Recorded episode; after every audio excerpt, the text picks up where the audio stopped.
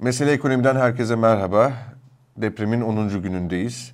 Bütün bir ülke olarak yaşadığımız bu büyük afetin yaralarını sarmaya çalışıyoruz. Devam ediyoruz sarmaya ve devam edeceğiz. Depremi sonrasında yaşananları ve gündemdeki bazı tartışmaları İbrahim Uslu ile konuşacağız. İbrahim Bey hoş geldiniz yayınımıza.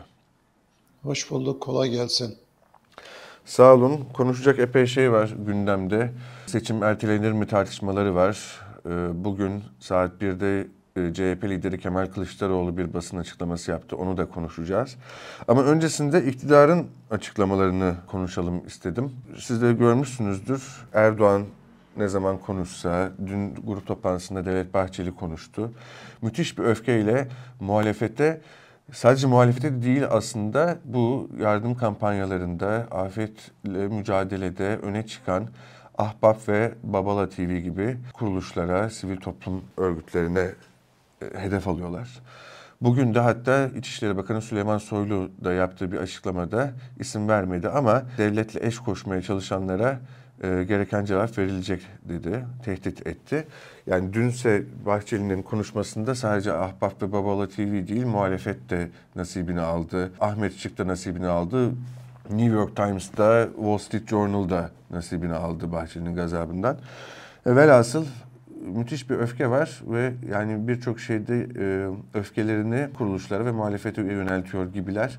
Ne yapıyor iktidar? Bununla başlayalım. Nasıl bir ruh halinde? Benim gördüğüm e, büyük bir başarısızlık şeyi var ortada, durumu var. E, hazırlıksızlık durumu var. Üstüne üstlük de hani tam bile bile lades. Şimdi medyaya yansıdı. 2020 yılında AFAD e, Türkiye'deki 81 il için afette hazırlıkla ilgili, afet riskinin azaltılması ile ilgili raporlar hazırlatılıyor ve bu 10 ildeki raporlar, 10 ille ilgili raporlar birebir deprem gününü tarif etmiş ve söyledikleri her şeyde haklı çıktılar. O raporları kimler hazırladıysa gerçekten hem uzman insanlarmış hem öngörü sahibi insanlarmış ve söyledikleri her şey doğru çıktı. Şimdi o raporlardan sonra muhtemelen AFAD deprem riskinin azaltılması ile ilgili e, proje bağlamında pilot il olarak Kahramanmaraş'ı seçmiş 2020 yılında ee, ve Kahramanmaraş'ta işte büyük bir toplantı olmuş. Sayın İçişleri Bakanı orada ıı, çok iddialı ama çok güzel yani içerik olarak çok doğru mesajlar vermiş. Arkasından ilde deprem hazırlıkla ilgili büyük tatbikatlar yapılmış. Bunların hepsi Maraş'ta. Peki sonrasında ne olmuş? Yani bu işin PR kısmı, şov kısmı gayet güzel. Sonrasını depremden sonra gördük. O 3 yılın, 2,5 yılın neyse e, nasıl geçirildiğini, ne kadar verimli geçirildiğini gördük. Şimdi tam bile bile lades durumu. Yani AFAD kurum olarak, dolayısıyla devlet e, kurum olarak riskin ne olduğunu ve e, deprem olması durumunda nelerin yaşanacağını harfiyen biliyormuş. Şimdi biliyormuş da ne olmuş şimdi? Şimdi soru ondan sonra başlıyor. Deprem oldu. Ben de Antep'teydim deprem anında. Antep depreme yakalandım ve birinci günü deprem bölgesinde geçirdim. Gerçekten e, şeyde o ilk gün devlet kurumlarını görmek mümkün değildi. Ben mesela Gaziantep'ten Ankara'ya gelinceye kadar e, bir otoban girişinde trafik polisi vardı. Otoban kapalı e, çünkü köprü çöktü, burayı kullanamazsınız, alternatif yolları deneyin dedi bize. Ee, bir de işte bir ara yollardan, eski Adana yolundan Gaziantep'in dışına çıkmaya çalışırken e, yüksek tepede deprem nedeniyle yola çok büyük yani benim arabanın 3 katı büyüklüğünde kayalar falan düşmüştü. Bir ekip onları açmaya çalışıyordu. Kısmen açabildi ve biz kayaların arasından hani böyle kıvırla kıvırla geçebildik o yoldan. Orada devleti gördük. Onun dışında da Nurdağ'ından geçtik ilçe, Nurdağ ilçesinden ee, ki işte dün e, vali açıkladı, koordinatör vali e, Nurdağ'ın tamamen yıkılıp yeniden yapılması gerekiyor. Çünkü şehir tamamen yani tek bir sağlam bina dahi kalmamıştı. O korkunç manzaradan geçtim ben. Hmm, ve geçerken tek bir binanın başında 7-8 kişilik bir enkazın başında kurtarma çalışması vardı. Onun dışında hiçbir binada kurtarma çalışması yoktu. Ee, arkasından Islahiye'den geçtim. Ne bir kamu görevlisine, ne bir yardım faaliyetine, ne bir kurtarma çalışmasına rastlamadım. Ha, belki vardı ben görmedim. Benim geçtiğim e, esnada ya da lokasyonda olmayabilir. Ama yoktu yani orada devleti hissetmiyordunuz. Ee, sonra Kırıkhan'dan geçtim. Kırıkhan kötüydü Orada ben herhangi bir e, şey e, afet yönetimine dair bir emare görmedim. E, vatandaş kaderine terk edilmişti. Sadece ambulanslar vardı. Sağlıkçıların hakkını yemeyelim. ambulanslar çalışıyordu. Ambulans dışında devlet görmüyorsunuz. Ee, sonra İskenderun'dan geçtim. Biliyorsunuz İskenderun'da depremin en has yoğun hasar verdiği yer. Ben orada da yine e, ambulanslar dışında devlet görmedim. Şimdi birinci günün tablosu buydu. Şimdi iktidar buna nasıl reaksiyon verdi? Özür dilemek, e, şey e, hata yapan, yetersiz kalan görevleri değiştirmek vesaire gibi reaksiyonlar vermek yerine mesela AFAD'dan kurum başkanı konuşmuyor. Ee, afetle mücadele e, müdürü konuşmuyor. Kim konuşuyor? Afete hazırlık müdürü. Niye? Bir tek belli ki bu deprem konusunda ehliyetli insan o. Akademisyen zaten. Ee, ama onun işi deprem oluncaya kadar bölümle ilgili. Ee, ha o işini ne ölçüde yaptı o da ayrıca tartışılır. Evet uzman bir insan. Ama deprem olduğunda gördük ki depreme hazırlanmamış. Peki deprem olmasından sonraki döneme hazırlanmaktan sorumlu kişi ki esas onun konuşması gerekiyor. Ben onun yüzünü hiçbir şeyde e, medyada görmedim. Bilmiyorum hani atlamış da olabilirim ama bu süreç içerisinde. AFAD Başkanı da yani kurumun e, komple başkanı yani bu müdürlerin üzerindeki başkan da ortalıkta görünmedi. E, şimdi dolayısıyla buralarda sorunlar var. Peki dedim ya iktidar bu kendi söküğünü dikmek yerine ne yaptı? E, kendisini eleştirmese bile yani işte e, ahbap e, ya da Babala TV hükümeti falan eleştirmedi. Sadece gittiler ve yardım yapmaya çalıştılar. E, ama hükümetin e, acziyetini gösterdiği için e, ya da devlet aygıtlarının kötü yönetiminin e, şeyini e, topluma bunu deşifre ettikleri için e, bu sefer onlar da bu e, öfkenin nefretini hedef oldular. Uluslararası basın zaten her zaman hedefleri. Çünkü uluslararası basın evet bazen çok yanlı, e, çok yanlış değerlendirmeler, analizler de yapmıyorlar mı? Yapıyorlar. Ama sonunda Türkiye'deki medyaya göre daha özgürler ve e, istediklerini söyleyebiliyorlar. Ama bizim e, iktidarın e, basın özgürlüğüne falan çok fazla itibar ettiğini de söyleyemeyiz. O yüzden onlar da e, şey bu öfkenin hedefi oldular. Muhalefet partileri de zaten başından beri öfkenin hedefi. Üstüne üstlük de ellerinden geleni yapmaya çalışıyorlar ve bu arada e, şey e, çok dikkatli, temkinli bir dil ile e, iktidar eleştirdiler. E, benim gördüğüm e, iktidar sadece sesini yükselterek, konuyu değiştirerek, başka suçlar bularak hani mümkün olsa depremi de bunlar yaptı falan diyecekler ama o kadarına dilleri varmıyor. Ya da olan biten bütün kötülüklerin şeyi kendileri dışındaki tüm unsurları muhalefet olmasına bile gerek yok. Yardım kuruluşları da dahil olmak üzere. Ahbap'ın Ahbap'ın hiçbir politik tutumu olmadı bugüne kadar. Özellikle bundan kaçınıyor. Bütün organizasyonlarını devletle birlikte yapıyor. Ee, devlet kurumlarıyla birlikte çalışıyor. Ee, başından beri bunu söylüyor. Ama o bile hedef haline geliyor ve en üst e, şeyden ağızlardan hedef haline geldi. Ee, benim gördüğüm iktidar kendi başarısızlığının ortaya çıkmasını üzerini kapamaya çalışıyor. Bunu yaparken de oldukça yani bir taraftan sofistike yöntemler kullanmaya çalışıyor. İşte şu asrın e, afeti falan gibi kavramlarla vesaireyle yani biz ne yapalım yani işte böyle büyük bir felaket karşısında hiç kimsenin yapabileceği bir şey yok duygusunu yaratmaya çalışırken mesela orada da sofistike bir iletişim mühendisliği var ama bazen sadece e, kaba kuvvet gösterisinde bulunabiliyor. İkisini bir arada kullanıyor. Hangisi ne ölçüde başarılı olursa o kadar kardır diye bakıyorlar benim gördüğüm. Evet, e, siz de söylediniz bu beceriksizliğin tezahürü bir öfke. Ama öfke de öyle bir boyutta ki yani e, sırf ahbapla bir videoda gözüktüler diye Kenan İmirzalıoğlu ve Oktay Kaynarca'nın e, televizyon kanallarındaki ortak yayında bulunmasını istemeyecek kadar yani biraz da absürt bir noktada teşhis edilmesi zor bir psikoloji içerisindeler. E, nereye kadar devam edecek hep beraber göreceğiz isterseniz. Bu, bu af, afaros kültürü yani ben şey e, benim yanımda olmayan ya da beni rahatsız edecek herhangi bir iş yapan herkese afaroz edeceğim. Dolayısıyla evet. hatırlar mısınız bir, bir tarihte e, Sayın Erdoğan bir taraf olan bertaraf olur demişti. E, yani tarafsız durmayı dahi kabul etmiyorum. Ya benim yanımdasınız ya da benim hasmımsınız demişti. O gün bugündür bu politika devam ediyor. Yani tarafsızlık diye bir şey yok. E, yani siz tarafsız gerçekten olabilirsiniz. Ona saygı duyarım. E, ama e, iktidar Tarafsızı da karşıda görüyor. Bundan sonra ya benim yanımdasınız ya da karşıdasınız. Tarafınızı seçin diyor. İşte o kutuplaşma şeyinin politikasının e, zaten şey e, doğal sonucu bu.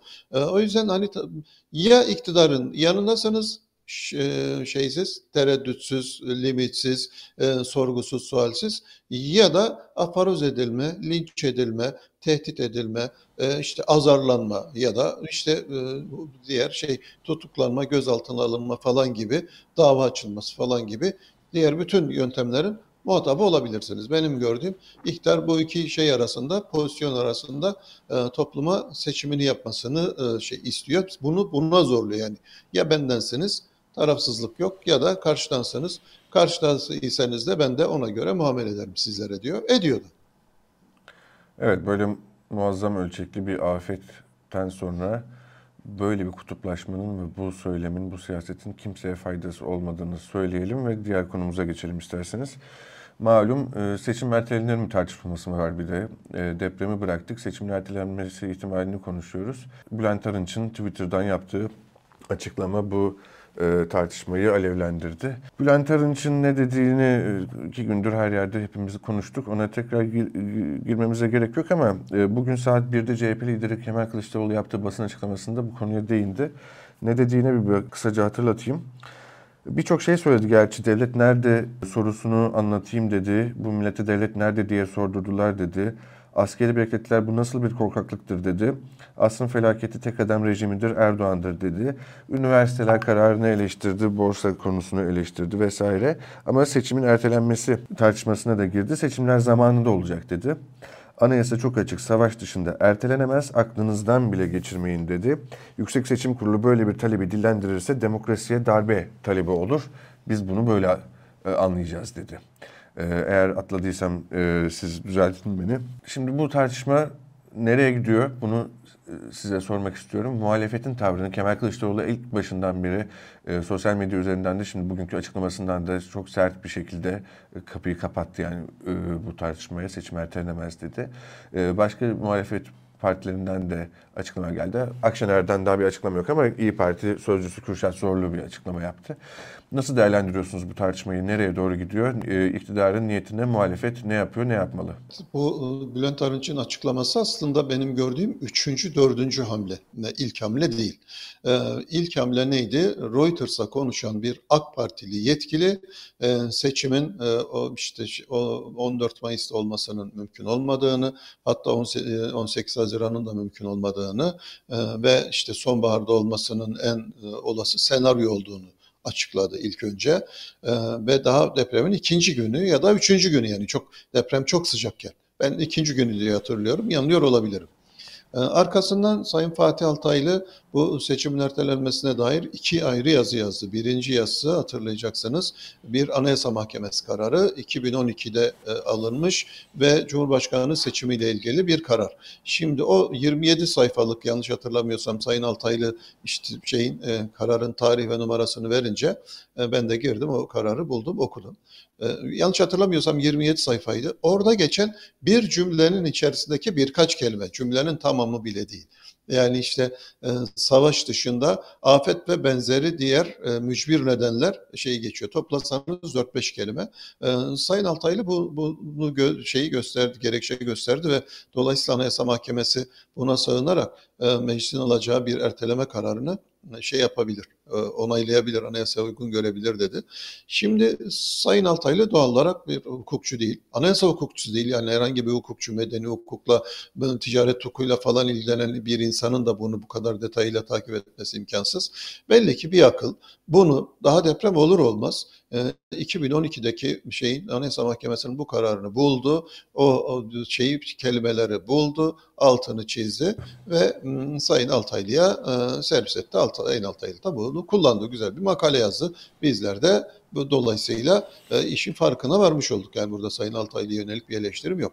Ama bir akıl bunu buldu ve onu Sayın Altaylı'ya hatırlattı.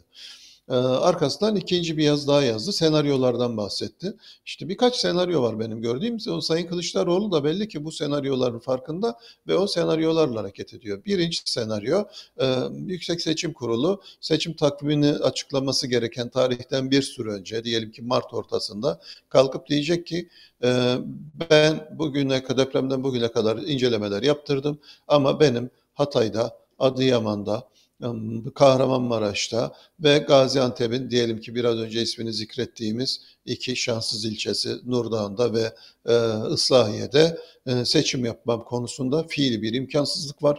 Benim burada seçim yapmam söz konusu değil, parlamentoyu göreve davet ediyorum diye bir çağrıda bulundu mesela. Parlamentoda bunun üzerine iki şey yapabilir. Bir, 400 e, milletvekilinin oyuyla anayasayı değiştirelim ve savaş gerekçesinin yanına savaş ve doğal afeti ekleyelim diyebilir ve anayasayı değiştirir. O zaman olur. Orada bir anayasal tartışma yok. Ama 400'ü e, bulamayacağı çok aşikar çünkü muhalefet partilerinin hiçbiri buna destek vermiyor. Bu durumda ne yapar? Bu savaş gerekçesiyle e, seçimi ertelemek için bir nisap gerekmiyor. Yani 3'te 2 çoğunluk vesaire 400 milletvekilinin 5'te 3 çoğunluk falan gibi bir nisap tarif edilmemiş. Basit çoğunlukla şey karar alabiliyor meclis burada. Dolayısıyla iktidarın oyları yeterli ve iktidar diyelim ki meclise bu çağrı geldikten sonra meclis toplandı e, ve seçimin ertelemesi karar alındı. Tabii muhalefet ne yapacak? Koşacak Anayasa Mahkemesi'ne. E, ama Anayasa Mahkemesi'nin zaten e, daha önce savaşın yanı sıra seçimin ertelenmesine neden olabilecek bazı mücbir gerekçeleri, doğal afet gibi bazı mücbir gerekçeleri e, şey e, zikretmiş olduğuna dair elinde bir kararı da var. Dolayısıyla Anayasa Mahkemesi ne yapar? Ondan sonra Anayasa Mahkemesi'nin dediği olur ama benim gördüğüm kadarıyla muhalefet cephesinde hiç kimse Anayasa Mahkemesi'nin hayır bu anayasaya aykırıdır, meclis bu konuda bir karar alamaz şeklinde bir karar alacağına ihtimal vermiyor. O yüzden e, bu reaksiyonlar var. E, üçüncü senaryo, e, Sayın Cumhurbaşkanı parlamentoda anayasanın değişmeyeceğini gördüğü için e, dönecek bir e, Cumhurbaşkanlığı kararnamesi yayınlayacak ve o hal olduğu için memlekette e, Anayasa Mahkemesi de daha önce ben e, o hal döneminde Cumhurbaşkanı kararnamelerinin anayasa uygunluğunu denetleyemem demiş olduğu için o da denetlemeyecek bunu. Dolayısıyla da Cumhurbaşkanı kararnamesi e, anayasaya aykırı mı değil mi tartışmalar altında yürürlüğe girmiş olacak ve seçim ertelenecek. Şimdi e, şey e, Sayın Kılıçdaroğlu bu senaryoların farkında olduğu için daha doğrusu artık siyaset takip eden herkes bu senaryoların farkında olduğu için bugün Sayın Kılıçdaroğlu kalktı ve buna tolerans gösterilmeyeceğini, yani ne yapalım deyip sineye çekmeyeceklerini bunu demokrasiye e, bir isyan gibi değerlendireceklerini ve seçimin ne pahasılı olursa olsun zamanda yapılacağını kararlı bir biçimde söyledi. Şimdi e, benim gördüğüm muhalefette e, bu konuda şu ana kadar başka konularda gösterdiğinden diyelim ki ikinci dönem, üçüncü dönem tartışmasında böyle bir rezistans göstermiyor. Ama burada daha şimdiden bu asla olmaz ve seçim zamanında yapılacak diye bir direnç ortaya koydu. Şimdi tabii ki top burada iktidar da. iktidar ya bunu zorlayacak ki o zaman anayasa fiilen askıya alınmış hale gelmiş olacak. Ya da bu kararlılık karşısında zorlamayacak ve yarından itibaren parlamentoda ya da önümüzdeki hafta oturacaklar bir komisyon kuracaklar. Partiler arası komisyon ve o komisyon bu seçim çevrelerinde seçimin sağlıklı bir biçimde, adil bir biçimde ve herkesin katılabileceği bir biçimde nasıl yapılacağını yöntemlerini araştıracak. Yasal düzenleme ihtiyacı varsa bu düzenlemeler yapılacak ve Yüksek Seçim Kurulu da buna göre o şeyi seçimi gerçekleştirecek ve sorunsuz bir biçimde tarihimizde e, onlarca defa yaptığımız gibi güzel bir seçim yapacağız. Sonunda millet ne istiyorsa o gelecek. Şimdi iktidarın ve partilerin burada bence e, oturup bu şeyi karşılıklı demeçlerle tansiyonu yükseltmenin yanı sıra bir taraftan da parlamentoda, parlamentoda grubu bulunan partiler, grup başkan vekillerinin burada devreye girmesi lazım.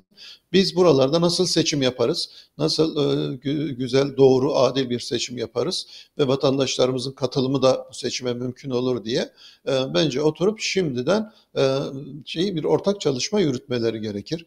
E, teknik bir konu olduğu için e, o teknik uzmanları da istediklerini meclise davet eder, bu çalıştırırlar. Ama buna çözüm bulunsun. Bu ben yaparım, ben yaptırmam kavgasına bindiği anda e, kim kazanırsa kazansın demokrasi kaybeder burada demokrasi kaybeder. Çünkü birileri seçim yaptırmak için kavga edecek. Yani bir ülkede seçim yaptırmak için kavga edilir mi? Seçim zaten tarihi gelince yapılır. Bu kadar şey basit. Ya da karar alınır yapılır yani. Ama hayır illa da seçim olsun, seçimi ertelemeyin diye birileri ve mücadele yürütüyorsa zaten bir sorun var demektir. Ya da tersine seçimi nasıl yaptırırım diye düşünmeyip de hiç bu soruyu sormadan direkt seçimi nasıl yaptırmam? Anayasa Mahkemesi'nin bundan önce 11 yıl önce vermiş olduğu bir karardaki birkaç kelimeyi bulayım da oradan bir hukuksal mesnet üreteyim. Yok olmadı işte e, hukuku bypass eden e, Cumhurbaşkanı kararnamelerine sığınayım. O halde hazır elimde falan diye fırsattan e, istifade etmeye çalışmak. Bunlar da demokratik tutumlar olmaz. Seçim tabii ki zamanında yapılır. Türkiye işte Kurtuluş Savaşı esnasında e, savaş koşullarında bile seçim yapmayı başarmış bir toplumdan bahsediyoruz. Bir deneyimimiz var. E, iktidarın burada zorlamayıp hukukun, anayasanın sınırlarını, demokrasinin sınırlarını zorlamayıp diğer partilerle birlikte bu, illerde seçimi nasıl yaparım diye birlikte çalışması lazım. Yani burada yapabilir miyiz bu seçimi yoksa yapamaz mıyız bunu kimse çalışmadı. Ama daha seçimin biz ikinci gününden itibaren e, şey depremin ikinci gününden itibaren AK Parti'den bir yetkilinin seçimin ertelenmesi gerektiği konusundaki kanaatini duyduk. Neye istinaden bunu söyledin arkadaş yani? Ya da işte dün yine o e, şey meçhul AK Partili yetkili aynı şeyi tekrar söyledi. Yani bütün bu tartışmalardan sonra, Sayın Arınç'ın açıklamalarından sonra. Yani neye istinaden söylediniz? Kim böyle bir çalışma yaptı? Kim kafa yordu? Kim oradaki koşullara baktı? Yani dedim ya bunun üzerine bir çalışma yapmadan zaten ikinci, üçüncü, dördüncü günde bu tür açıklamaları yapmak, birinci haftada bu açıklamaları yapmak başlı başına bir niyetin göstergesi belli ki seçimi ertelemek istiyor ve bu seçim erteleme arzusunun depremle falan da bir alakası yok. Seçimin tarihinden bence çok daha önemli olan anayasanın yürürlükte kalması ve demokrasinin askıya alınmaması. Evet.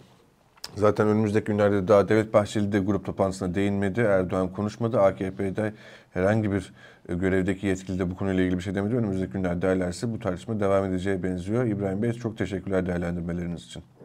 Ben teşekkür ederim. Hoşçakalın. İbrahim Uslu'yla gündemdeki tartışmaları, seçim ertelenir mi tartışmasını, iktidarın özellikle Ahbap ve Babala TV'ye e, tehdit ve öfkesini konuştuk. Teşekkürler izlediğiniz için.